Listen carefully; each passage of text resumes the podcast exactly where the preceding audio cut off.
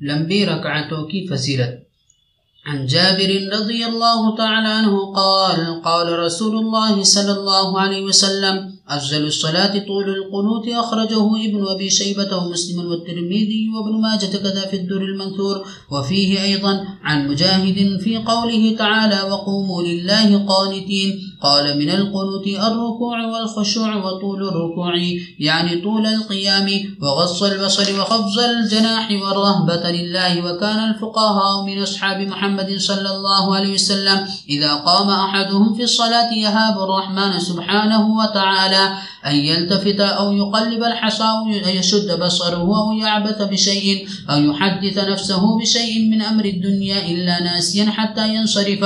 أخرجه سعيد بن منصور وعبد أحمد وابن جرير وابن منذور وابن حبي حاتم والأصبهاني في الترغيب والبيهقي في شعب الإيمان. وهذا أخار وهذا آخر ما أردت إراده في هذه العجالة رعاية لعدد الأربعين.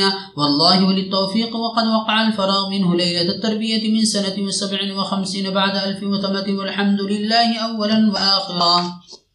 حضور اقتصر صلی اللہ علیہ وسلم کا ارشاد ہے کہ افضل نماز وہ ہے جس میں لمبی لمبی رکعتیں ہوں.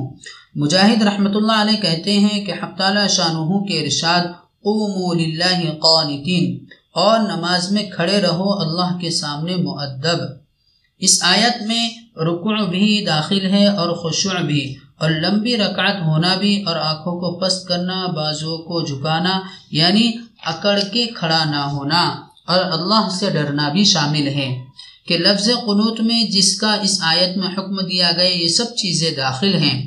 حضور اقت صلی اللہ علیہ وسلم کے صحابہ میں سے جب کوئی شخص نماز کو کھڑا ہوتا تھا تو اللہ سے ڈرتا تھا۔ اس بات سے کہ ادھر ادھر دیکھیں یا سجدے میں جاتے ہوئے کنکریوں کو الٹ پلٹ کریں۔ عرب میں صفوں کی جگہ کنکریاں بچھائی جاتی ہیں یا کسی لغو چیزیں میں مشغول ہو یا دل میں کسی دنیاوی چیز کا خیال آئے۔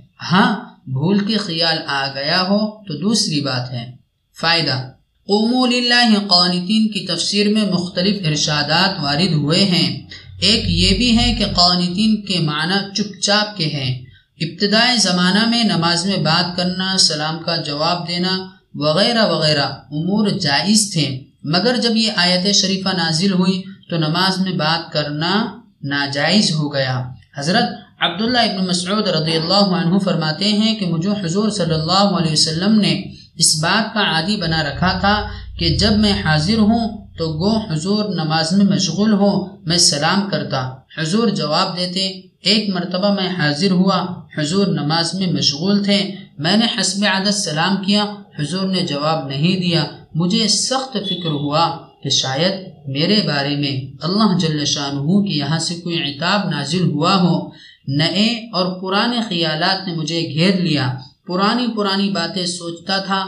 کہ شاید فلا بات پر حضور ناراض ہو گئے ہوں، شاید فلانی بات ہو گئی ہو۔ جب حضور صلی اللہ علیہ وسلم نے سلام پھیر لیا تو ارشاد فرمایا کہ حق تعالی شاہ اپنے احکام میں جو چاہتے ہیں تبدیل فرماتے ہیں۔ حق تعالی شاہ نے نماز میں بولنے کی ممانعت فرما دی۔ اور یہ آیت تلاوت فرمائی اور پھر ارشاد فرمایا کہ نماز میں اللہ کے ذکر کی، اس کی تسبیح، اس کی حمد سمنا کے سوا بات کرنا جائز نہیں۔ معاویہ ابن حکم سلمی رحمت، رضی اللہ تعالیٰ عنہ کہتے ہیں کہ جب میں مدینہ طیبہ مسلمان ہونے کے لیے حاضر ہوا تو مجھے بہت سی چیزیں سکھائی گئی۔ من جملہ ان کی یہ بھی تھا کہ جب کوئی چھینکے اور الحمدللہ کہے تو اس کے جواب میں یہ رحمک اللہ کہنا چاہیے۔ چونکہ نئی تعلیم تھی، اس وقت تک یہ بھی معلوم نہ تھا کہ نماز میں نہ کہنا چاہیے۔ ایک صاحب کو نماز میں چھینک آئی، میں نے جواب میں یہ رحمک اللہ کہا۔ آس پاس کے لوگوں نے مجھے تنبیہ کے طور پر گھورا۔ مجھے اس وقت تک یہ بھی معلوم نہ تھا کہ نماز میں بولنا جائز نہیں۔ اس لیے میں نے کہا کہ ہائے افسوس، تمہیں کیا معلوم ہوا؟ کہ مجھے کڑوی کڑوی نگاہوں سے گھرتے ہو مجھے اشارے سے ان لوگوں نے چپ کر دیا۔ میری سمجھ میں تو آیا نہیں، مگر میں چپ ہو گیا۔ جب نماز ختم ہو چکی تو حضور اقدس صلی اللہ علیہ وسلم نے میرے ماں باپ آپ پر قربان، نہ مجھے مارا، نہ ڈانٹا، نہ برا بھلا کہا، بلکہ یہ ارشاد فرمایا کہ نماز میں بات کرنا جائز نہیں۔ نماز تسبیح و تکبیر اور قرآت قرآن ہی کا موقع ہے۔ خدا کی قسم، حضور صلی اللہ علیہ وسلم جیسا شفیق استاد نہ میں نے پہلے دیکھا، نہ بعد میں۔ دوسری تفسیر حضرت ابن عباس رضی اللہ عنہ سے منقول ہے کہ قانتین کے معنی خاشعین کے ہیں یعنی خشوع سے نماز پڑھنے والے۔ اسی کے موافق مجاہد نے یہ نقل کیے کرتے ہیں، جو اوپر ذکر کیا گیا کہ یہ سب چیزیں خشوع میں داخل ہیں۔ یعنی لمبی لمبی رکعات کا ہونا اور خشوع خصوص سے پڑھنا، نگاہ کو نیچی رکھنا، اللہ تعالیٰ سے ڈرنا۔ حضرت عبداللہ ابن عباس رضی اللہ تعالیٰ عنہ فرماتے ہیں کہ ابتدا میں حضور صلی اللہ علیہ وسلم رات کو جب نماز کے لیے کھڑے ہوتے، تو اپنے کو رسی سے باندھ لیا کرتے کہ نیند کے غلبے سے نہ گر جائے۔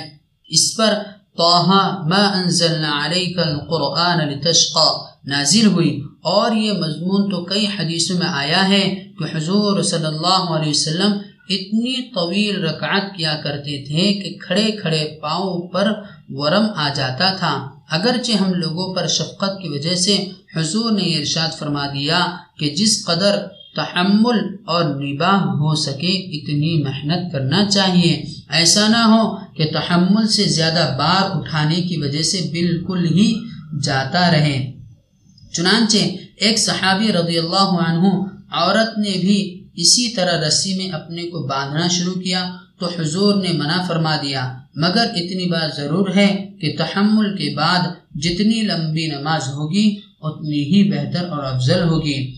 آخر حضور کا اتنی لمبی نماز پڑھنا کہ پاؤ مبارک پر ورم آ جاتا تھا، کوئی تو بات رکھتا ہے۔ صحابہ کرام عرض بھی کرتے کہ سورہ فتح میں آپ کی مغفرت کا وعدہ اللہ تعالیٰ نے فرما لیا ہے۔ تو حضور صلی اللہ علیہ وسلم ارشاد فرماتے کہ پھر میں شکر گزار بندہ کیوں نہ بنوں؟ ایک حدیث میں آیا ہے کہ جب حضور اختر صلی اللہ علیہ وسلم نماز پڑھتے تھے تو آپ کے سینہ مبارک سے رونے کی آواز یعنی سانس رکنے کی وجہ سے ایسی مسلسل آتی تھی جیسا چکی کی آواز آتی ہو۔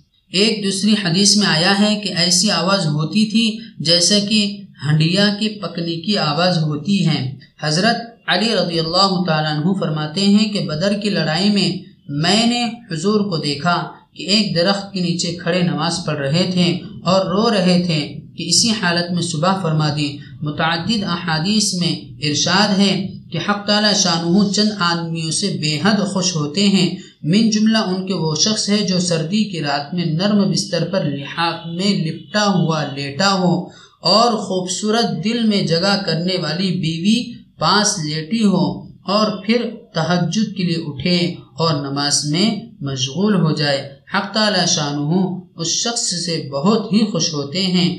تعجب فرماتے ہیں۔ باوجود عالم الغیب ہونے کے فرشتوں سے فخر کے طور پر دریافت فرماتے ہیں کہ اس بندے کو کس بات نے مجبور کیا کہ اس طرح کھڑا ہو گیا۔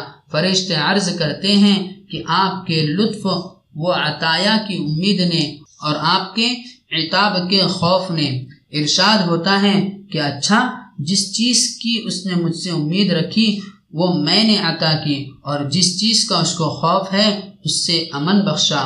حضور صلی اللہ علیہ وسلم کا ارشاد ہے کہ کسی بندے کو کوئی عطا اللہ کی طرف سے اس سے بہتر نہیں دی گئی کہ اس کو دو رکعت نماز کی توفیق عطا ہو جائے۔ قرآن و حدیث میں کثرت سے وارد ہوا ہے کہ فرشتے ہر وقت عبادت میں مشغول رہتے ہیں۔ احادیث میں آیا ہے کہ ایک جماعت ان کی ایسی ہے جو قیامت تک رکوع ہی میں رہے گی اور ایک جماعت اسی طرح ہر وقت سجدے میں مشغول رہتی ہے اور ایک جماعت اسی طرح کھڑی رہتی ہے حق تعالی شاہ نے مومن کے لیے اکرام و اعزاز فرمایا کہ ان سب چیزوں کا مجموعہ اس کو دو رکعت نماز میں عطا فرما دیا تاکہ فرشتوں کی ہر عبادت سے اس کو حصہ مل جائے اور نماز میں قرآن شریف کی تلاوت ان کی عبادتوں پر اضافہ ہے اور جب یہ فرشتوں کی عبادت کا مجموعہ ہے، انہی کسی صفات سے اس میں لطف میسر ہو سکتا ہے۔ اسی لیے حضور صلی اللہ علیہ وسلم کا ارشاد ہے کہ نماز کے لیے اپنی کمر اور پیٹ کو ہلکا رکھا کرو۔ کمر کو ہلکا رکھنے کا یہ مطلب ہے کہ بہت سے جھگڑے اپنے پیچھے نہ لگاؤ اور پیٹ کو ہلکا رکھنے ظاہر ہے کہ زیادہ سیر ہو کر نہ کھاؤ۔ اس سے کاہلی سستی پیدا ہوتی ہے۔